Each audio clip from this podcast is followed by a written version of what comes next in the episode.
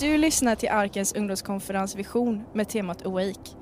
Bibeln säger Vakna du som sover, stå upp från de döda och Kristus ska lysa över dig.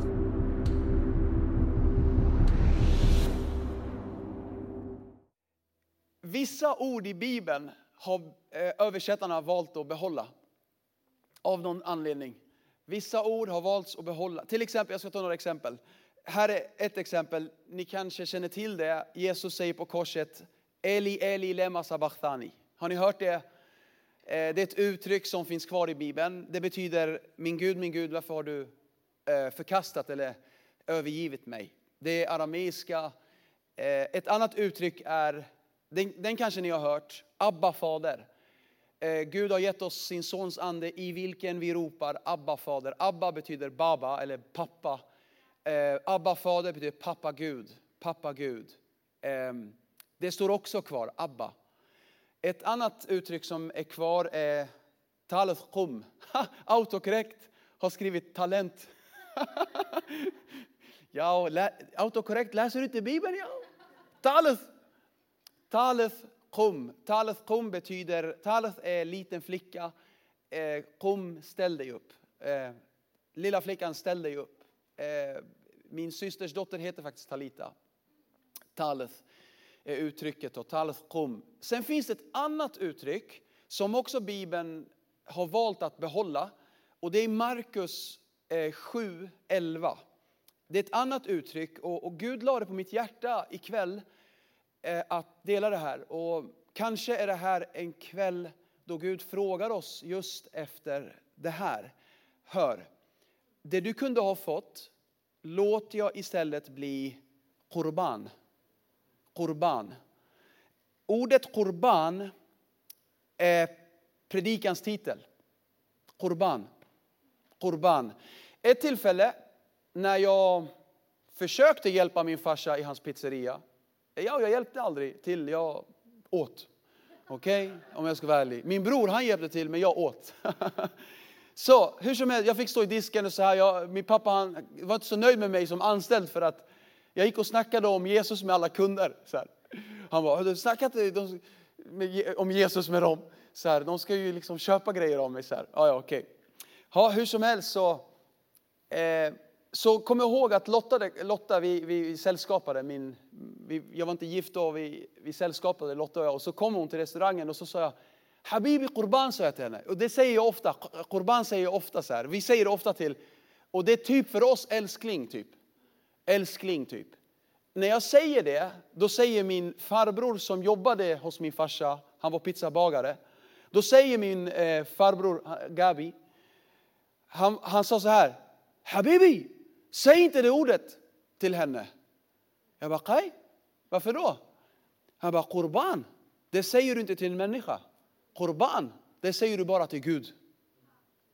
Och då var jag nyfiken på vad, vad, vad betyder det ordet? Vad betyder korban? Då sa han korban, det är någonting som är det dyraste du har och det är någonting du bara ger till Gud. Det passar inte att ge det till någon människa. Det är bara Gud, gudars Gud som ska ha det. Jag bara, wow, det lät tungt. Så jag vart nyfiken, slog upp det och såg att korban är ett arameiskt, hebreiskt, kaldeiskt ord och betyder ditt allra heligaste offer. Alltså offret över alla andra offer. Det dyraste du kan ge. Det, och det kan vara olika saker. Det kan vara så saker som är svåra för en att ge. Eh, här kommer ett annat uttryck. Eh, Saltaren 126 säger så här. De som sår, det finns de som sår med tårar. Då kommer de skörda med jubel. Och så står det gråtande går de ut och bär sitt utsäde. Med jubel kommer de tillbaka med sina kärvar. Kärvar, det är typ så här belöningen av det de har off, alltså, sått. Typ. Det, är, det är skörd typ. King James version, alltså engelska bibeln, säger så här. He who goes forth weeping bearing precious seed. Alltså den översättningen säger precious seed, alltså dyrbar säd. Och då står det att då kommer de komma tillbaka, doubtless come again with rejoicing. Alltså, här, här kommer min grej. Det finns skillnad på vanlig säd och precious säd. Det, det, finns, det finns skillnad på bra, bättre och bäst. Det, det finns olika nivåer av offer. Bibeln pratar om att vi kan ge till Gud det som är bra, det som är normalt, det som är förväntat. Men jag, jag, jag upplever det som att Gud utmanar oss ikväll, dig ikväll, att liksom levla upp ditt game. Att liksom eh, ge det där som är svårt för dig. Det finns en annan nivå. Det, det finns eh, ett offer, hör, ett offer är inte ett offer så länge det är i min hand. Eh, att tänka på det, eh, att dagdrömma om att vilja ge det, är, det räcker inte. Ehm, Vad är ett offer? När jag släpper det, när jag ger bort det. Det är typ som en Eh, Eh, en kompis en gång, han berättade för mig att Gud sa till honom att ge bort sin klocka till eh, en, en annan i klassen. Ge bort. Så eh, och sen så gav han bort den då. Han, han, han lydde Gud. Alltså. Och det, var, det var dyrt, det var jättesvårt för honom, han älskar klockor. Så han gav sin dyrbara klocka till en, en vän. Så han visste inte varför, han bara gjorde det. Han bara lydde Guds röst och gav den där klockan. Jag bara wow, alltså, jag, ärligt hatten av alltså. Starkt gjort. Eh, och, och, sen så, här, eh, så gick det någon vecka, två, och han såg inte klockan på den här killen som fick klockan då. Han, såg, han, han hade inte på sig den. Och då började han fråga, varför har du inte klockan på dig? Varför har du inte klockan på dig? Varför har du inte klockan på dig? Och då var det som att han har gett den, men han har inte gett den. Du vet, du vet, om du ger något, då tappar du spåret efter det. Då frågar du inte ens. Du bryr dig egentligen inte längre vad, vad det har blivit av det där, för du har ju gett det. Eller? Ibland ger vi saker, vi har strings attached till det och undrar faktiskt hur, hur den som fått det sköter det. Och då har du inte gett det. Men har du gett det, då har du klippt navelsträngen till det. Och, och då, då, då, var det en läxa för honom. Och vi pratade om det, på, det var bibelskola, vi, vi pratade om, rasten sa han så här, jag bara, men så, bror om du har gett det, då har du gett det. Då ska du inte gå och undra varför inte han har på sig den. Tänk om han har gett den till sin pappa då? Du har ju gett det, och vad han gör med det, det är hans sak. Eller? Så här sa Jesus, amen, amen säger jag er, om inte vetekornet faller i jorden och dör, förblir det ett ensamt korn. Men om det dör, bär det rik frukt.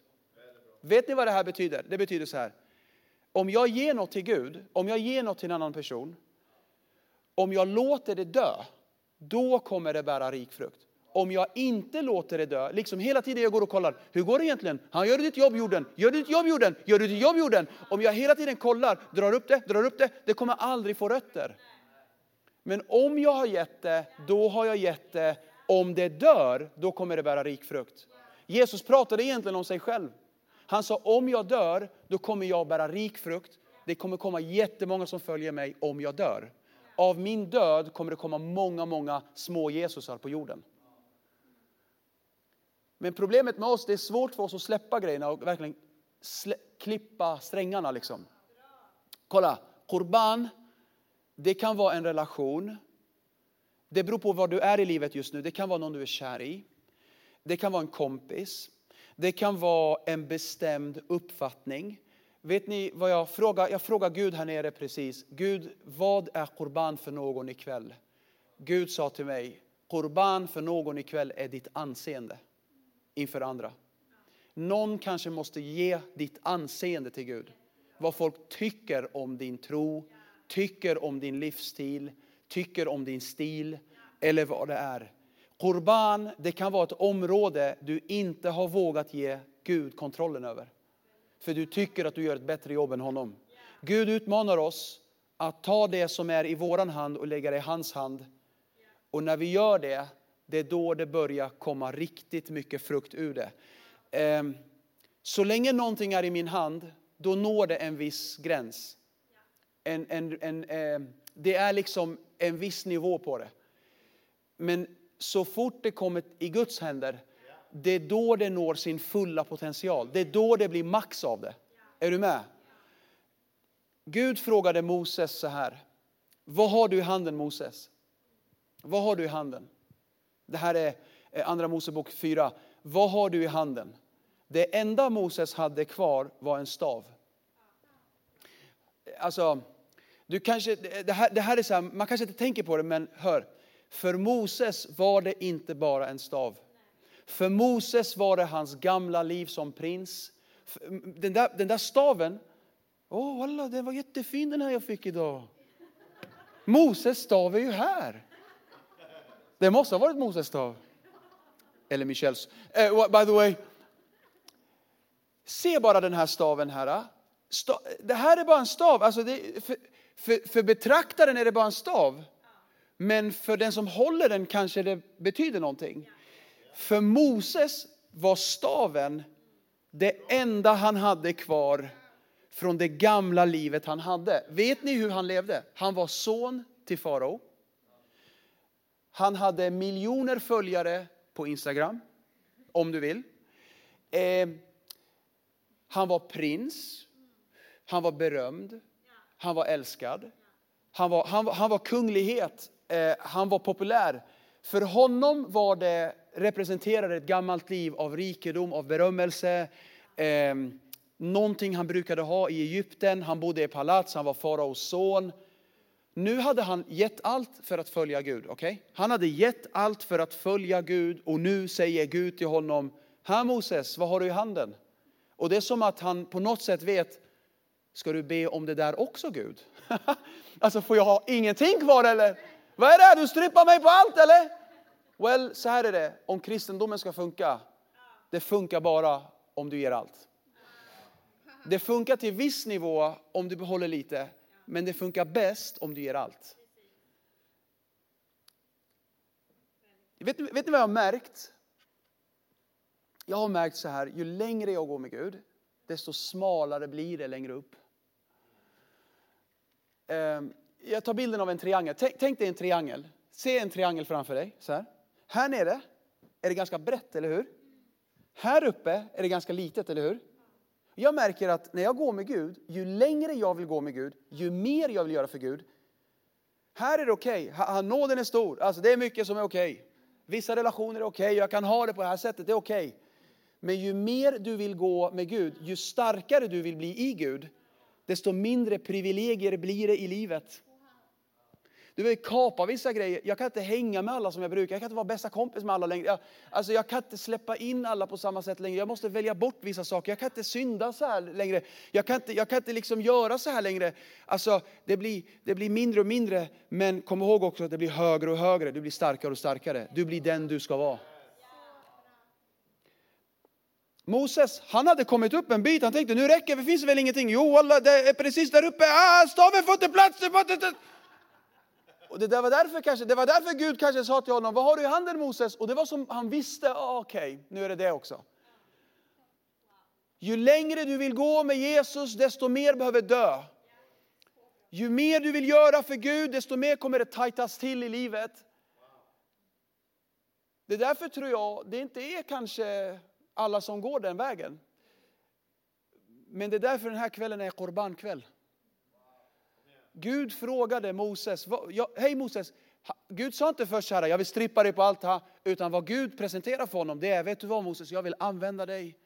Jag vill ta dig till nästa nivå Moses. Jag vill att du ska bli den jag har ämnat dig att vara. Och det är det Gud säger till dig. Ja.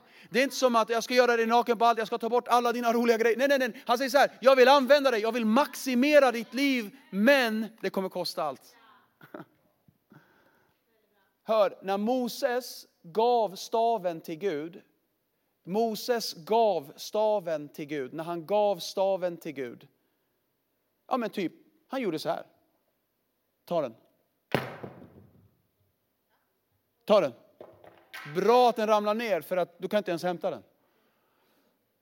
Ta den Gud, ta den, ta staven. När Moses gav det sista han hade till Gud, det var då Gud introducerade honom för det övernaturliga när han gav sin korban. Staven var bara en död pinne i hans hand. Men när han gav den till Gud, då började den leva. Bibeln säger att den blev en orm som åt upp faraos alla ormar. Den började leva när den hamnade i Guds hand. I Moses hand var det bara en pinne, en död pinne. Men i Guds hand började det leva. I vår hand är gåvan död men i Guds hand blir gåvan levande. När du ger din röst till Gud, när du ger dig själv till Gud, det är då du blir levande i dina gåvor. Staven, säger Bibeln, delade Röda havet. Staven gjorde att de ormar faraos magiker gjorde, den där staven blev en orm som åt upp alla ormar som faraos magiker gjorde. Staven, vet du vad han gjorde med med den? När den blev levande i Guds hand. Han slog den mot en klippa och det kom vatten ur klippan. Helt otroligt. Alltså staven gjorde grejer som aldrig skulle skett om inte han hade gett det till Gud. I Moses hand var den död, i Guds hand började den leva. Ha förtroende till Gud, att det är bättre att du ger det till Gud. I din hand är det dött, det når en viss potential, men i Guds hand når det full potential. Gud vill maxa ditt liv. Gud har skapat dig för någonting, för ett syfte. Gud vill att du ska bli allt det han har bestämt. Men förutsättningen är, vågar du ge mig allt? Jag, jag, upplever det så här, Gud frågar inte oss efter det normala. Gud frågar inte efter lätt och lagom i Värnamo eller i Borås eller vart du än är. Eh, eh, Gud frågar inte dig vad alla andra ger. Gud frågar dig efter the precious. Ditt korban. He goes forth weeping. Um, det stod ju det. He who goes forth weeping. Weeping för mig betyder att det inte är enkelt. Det är tårar kopplade till korbanoffer. Eh, texten indikerar att det är tårar till offret. Gråtande går de med sitt precious seed. Men i, i, i, i sådana tunga offer lovar Gud doubtless skörd. Doubtless skörd kommer komma på korbanoffer. Alltså det kommer komma en tveklös skörd på dyra offer till Gud. Ju svårare det är, desto mer skörd kommer komma. Tänk om du skulle ta din relation med Jesus till en ny nivå. Tänk om du i varje säsong i livet skulle säga till Jesus, Jesus, ta mig till djupare vatten. Jag vill inte plaska här i, i barnpoolen. Och varje gång Jesus säger så här, aha, vill du gå till djupare vatten? Vet du vad du ber om? Kan du simma så djupt, min son? Varje gång har det kostat något, varje gång har jag behövt offra något. En del saker har varit så dyrbara att jag har känt dem som korbanoffer. Du vet, ibland har det varit så här att förlåta, bara förlåta. Bara förlåta. Bara förlåta en fiende. Eller förlåta någon som har sagt dumma grejer till dig. Ibland har det varit så här enkelt, att ge efter i diskussioner. Att inte hugga tillbaka. Du vet, jag vet att jag har svart bälte med min mun. Jag kan, jag, kan, jag kan skada folk med min mun. Jag kan skada dem mer med min mun än med mina knytnävar. För vissa de har svart bälte i sina tungor. De kan snacka bra alltså. Men då, då, då är det ännu viktigare ah, när, när, när, man kan misshandla folk med sina ord. Jag, jag, utan att röra dig kan jag misshandla dig med mina ord.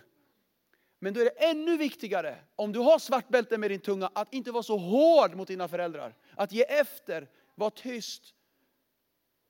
För tala är, silver men tiga är guld, säger Bibeln. Ibland handlar det om att offra en relation, att, att välja att förlora en debatt. Ehm, det, det, är inte många grejer Bibeln kallar korban. Det finns en grej, några grejer Bibeln kallar för korban. Ordspråksboken 20, det står så här. Det finns guld och pärlor i mängd, men den dyraste skatten är läppar som talar förstånd. Den dyraste skatten, det är också ordet korban. Eh, den, den, den största korban, det är läppar med kunskap. Alltså, vad är korban? Guds ord är korban. Guds ord är korban. När jag jagar Guds ord, när, när jag jagar kunskap, när jag jagar kunskap om Gud, när jag läser Bibeln är det korban för Gud. När jag väljer att gå till kyrkan varje vecka, när jag gör rum för Gud och hans ord, det är korban för honom. Vet du, den här boken kommer hålla dig borta från synden, men synden kommer hålla dig borta från den här boken. Paulus säger så här, ni är på mjölknivå i er tro. Men jag hoppas jag skulle kunna servera er lite lammstek, lite kött. Ni är på mjölknivå, ni, kan, ni, kan, ni klarar inte av tung mat, alltså tung, tunga uppenbarelser. Men ni, ni, ni, är på mjölknivå. Mjölk, vet ni vad det är? Mjölk, eh, mjölk är ju någonting som kossan har eh, Eh, egentligen bara brutit ner, eller hur? Alltså mjölk är ju en färdig produkt som kommer från kon. Hör, eh, när du kommer till kyrkan och hör en predikan så är det alltid mjölk. Det, är inte tung, det här är inte tung undervisning, det här är mjölk. Vet ni varför det är mjölk? För att predikanten har redan processat köttet i timmar innan han levererade. det. Är processad mat ni får just nu. Varje gång det predikas från plattformen, det är processad mat. Det är någon som har tänkt på det, jagat kunskap kring det, eh, processat det, tuggat på det, idisslat, eh, mediterat över det och så levereras det i kyrkan. Det är mjölk. Det kommer mjölk och så går ni hem med mjölkmustasch och säger mm, det var bra predikan, det var jättebra predikan. Du får bara mjölk härifrån. Det är som att du, du liksom am, amma ammar dig som bebis. Men hör, vad är kött? Paulus säger ni borde äta köttet i Guds ord. Det kan inte gå amma hela livet mannen. Det kristna livet kommer komma till en annan nivå om du själv börjar tugga grejer. Vad är det att tugga dig själv? Det är att läsa själv. Att inte hela tiden leva på podcasts, utan att läsa lite själv. Lev inte på mjölken, börja läsa själv. Alltså, det finns inget som berör mig så mycket som när tonåringar faktiskt läser Bibeln. Det är så ljuvligt att se liksom, biblar uppslagna i rummet. Jesus sa min mat, broma på grekiska, broma är kött. Mitt kött är att göra hans vilja. Och, eh, eh som har sänt mig och fullborda hans verk. Gud vill att du ska få tag på planen han har för dig. Gud vill att du ska få tag på kallelsen. Men så länge du dricker mjölk från talarstolen från Anders predikningar, från Joels predikningar, från Evelinas. Är du med? Så länge du bara lever på mjölk och aldrig ta egen tid där Gud får bryta ner det i din ande. Du vet, det bara prasslas i köksbordet, du läser Bibeln, du gråter tårar över den här Bibeln. Vad, vad är det? Vet du, det är som att du äter biff. du blir en, hur många biffätare har vi där ute? Vågar, vågar man knappt säga det eller? Så vegetarianer allihopa. Vet du, jag älskar den här boken. Jag älskar den här boken. Eh, eh, här ska ni få höra en konstig grej. Jag, jag, lä, jag hör hellre en bra predikan, en bra podd, än att gå på fotboll. På riktigt, alltså jag, jag vet, jag är helt förstörd. Men eh, det, det är vad det är, det det. Vet du varför? För den här boken har förvandlat mig. Den har frälst mig, den har helat mig, befriat mig, guidat mig. Tack Gud för den här boken. Kan vi inte bara ge kärlek till hans ord? Det är Jesus i tryck. Korban är Jesus.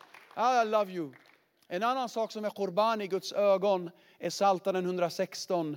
Dyrbar Korban i Herrens ögon är de frommas död. Han sa inte Korban i människors ögon, han sa Korban i Guds ögon. Alltså, det är dyrt för Gud när en helig person på jorden lämnar jorden. För att då samlar Gud sina juveler i himlen.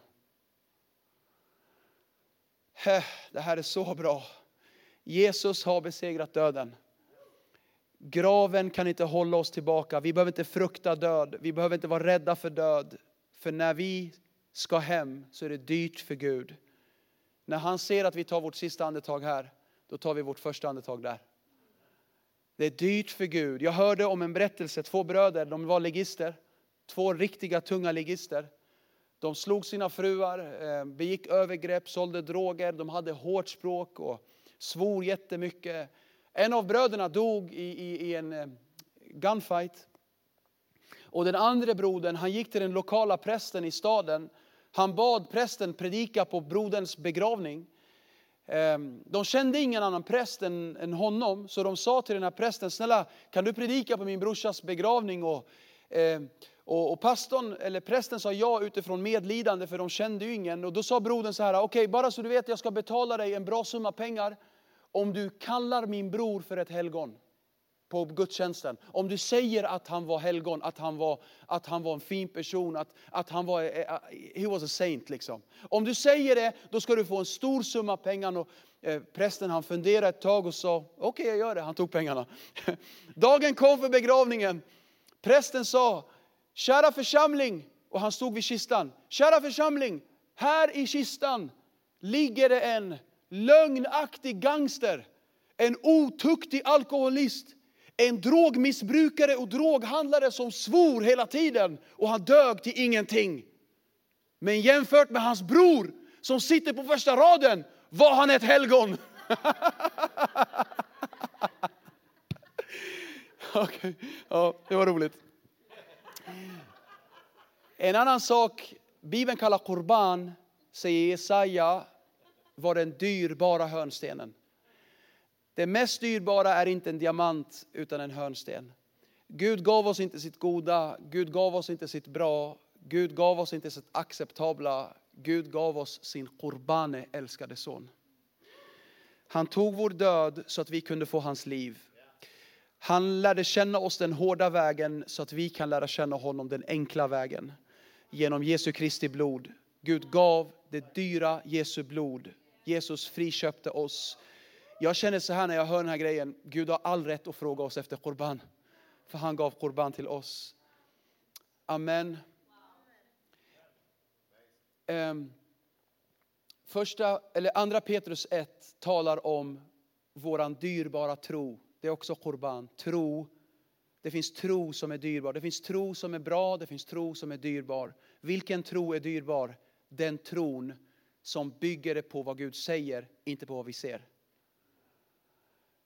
Eh, tro är en övertygelse om det man hoppas, visshet om saker man inte ser. Det är dyrt för Gud när du inte låter det du ser styra det du tror. Det finns en historia om en elev i en skola. Han var trakasserad av sin, eh, en, en, en ateist i, i skolan för sin tros skull. Han gjorde sig lustig på hans tro och sa, menar du att du tror på en Gud som du inte kan se? Ja, sa han, jag tror på en Gud som jag inte har sett. Men då sa hon, men hur, hur, hur, kan du tro på en Gud som du inte kan se? Hur, har du någonsin sett Gud? Har, har, du, har du någonsin träffat någon som har sett Gud? Då sa han nej. Men hur, hur kan du tro på en Gud som du inte kan se? Eleven svarade, ateisten, du säger till mig att jag inte kan tro om jag inte ser eller träffar någon som har sett Gud. Här är min fråga till dig. Har du sett ditt eget förstånd? Har du träffat någon som har sett ditt förstånd? Har du verkligen något förstånd? Hör, bara för att vi ser det betyder inte att det inte finns. Det finns. Gud finns. Det är dyrt för Gud när vi inte ser det men fortsätter tro. När vi tror på drömmen Gud gav även fast inte vi ser den än. När du och jag tackar Gud före miraklet kommer Gud förlösa miraklet tror jag. Tro som har prövats i eld är dyrare än guld, säger första Petrus 1. Prövningar i våra ögon är något vi vill springa från, men Gud säger det är dyrare än guld. Hör, varför? Tunga prövningar innebär tungt förtroende från Gud. Lukas 7, en kvinna med alabasterflaska med olja kommer till Jesus. Eh, hon öppnar hela flaskan och häller den på Jesus. Det finns så mycket, så mycket i den här texten som, om vi bara förstod. Bara det att Jesus är, ligger till bords med lärjungar, det är män. På den tiden, kvinnor fick inte ens vara nära. Liksom. Alltså, jag, vet, jag minns när min, min, min, min Lotta och jag var ganska nya i, i vår relation.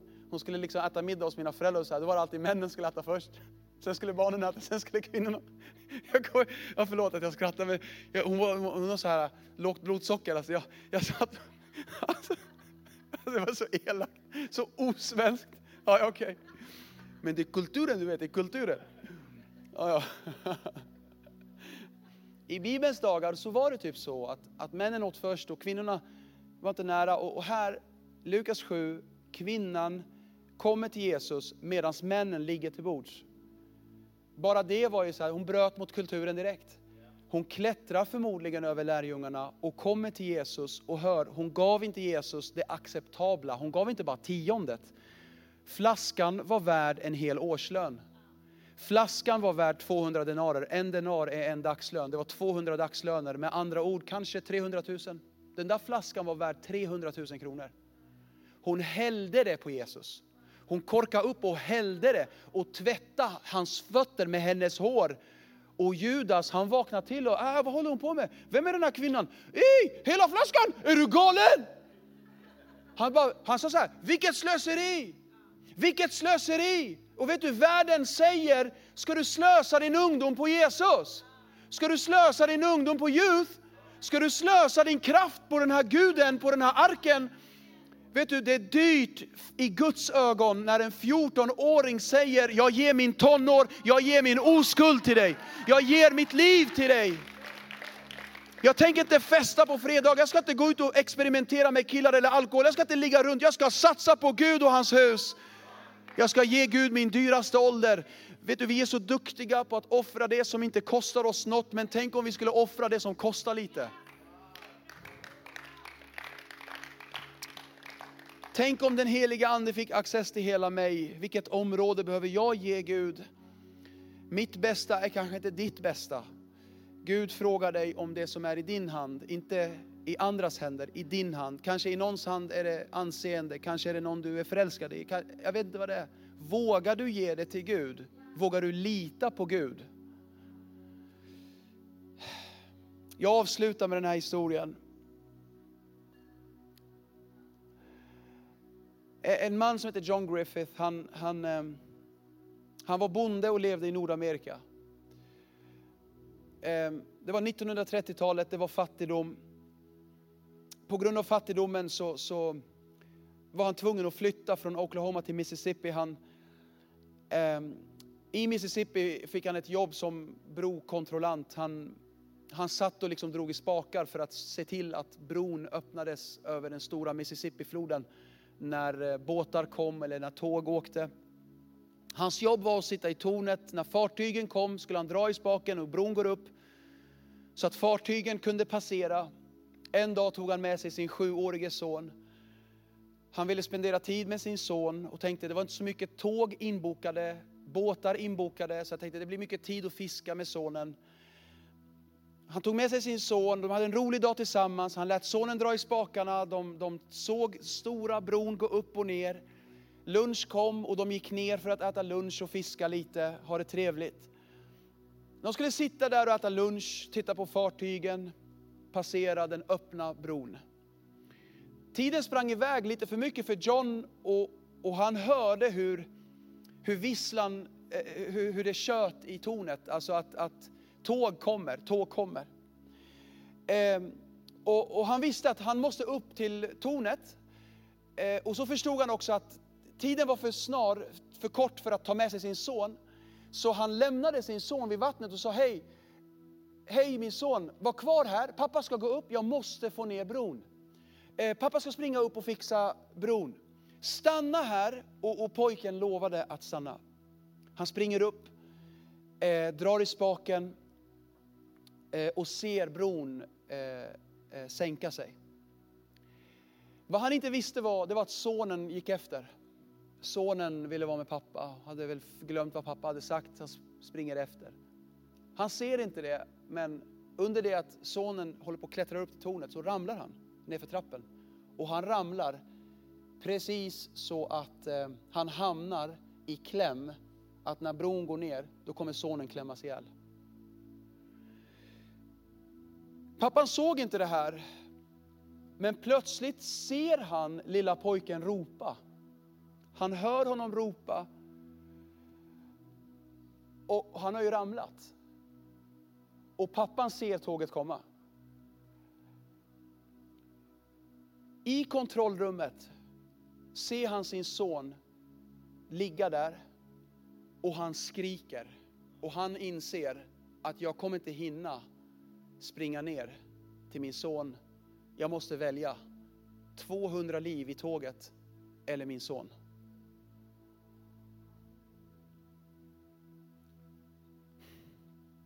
Pojken kunde inte komma upp. Han försökte kravla sig upp, han kunde inte komma upp. Han ligger där nedanför rälsen och han kunde inte komma upp. John hade inte tiden och han berättade själv att han var tvungen att göra ett val. 200 liv eller min son. Och han sa, och jag citerar, jag blundade och drog i spaken och dödade min egen son. Så att tåget kunde passera.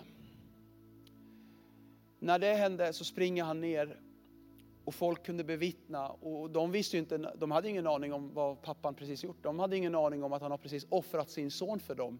Han står vid rälsen och skriker över sin son Men de har ingen aning vilket offer han har gjort precis. De är bara lyckligt ovetande. De bara, ja, ännu en dag bara. Hade ingen aning om vad han har precis gjort. Bibeln säger att Gud skonade inte sin egen son. Fadern hörde sin son ropa från korset. Eli, Eli, lema sabachthani, varför lämnar du mig? Gud gav sin Korbane älskade son, han gav sin älskade sons blod. Och det är inte orimligt för Gud att fråga mig och dig idag efter vårt Korban, vårt dyraste, vårt ädlaste. Det kanske är tid att lägga sig själv i kollektkorgen. Det, det, det kanske är tid att säga, Gud jag vill inte vara en i mängden kristen. Gud jag vill göra skillnad på jorden. Gud, jag vill ge allt. Jag, jag, vill vara så känslig för din helige Ande att när du viskar, då vill jag springa. He who goes forth weeping, bearing precious seed. Weeping säger att det är tårar, det är tufft, det är svårt, det finns områden vi behöver ge till Gud, lita på Gud om. Awake, O sleeper, and arise from the dead Christ will shine on you.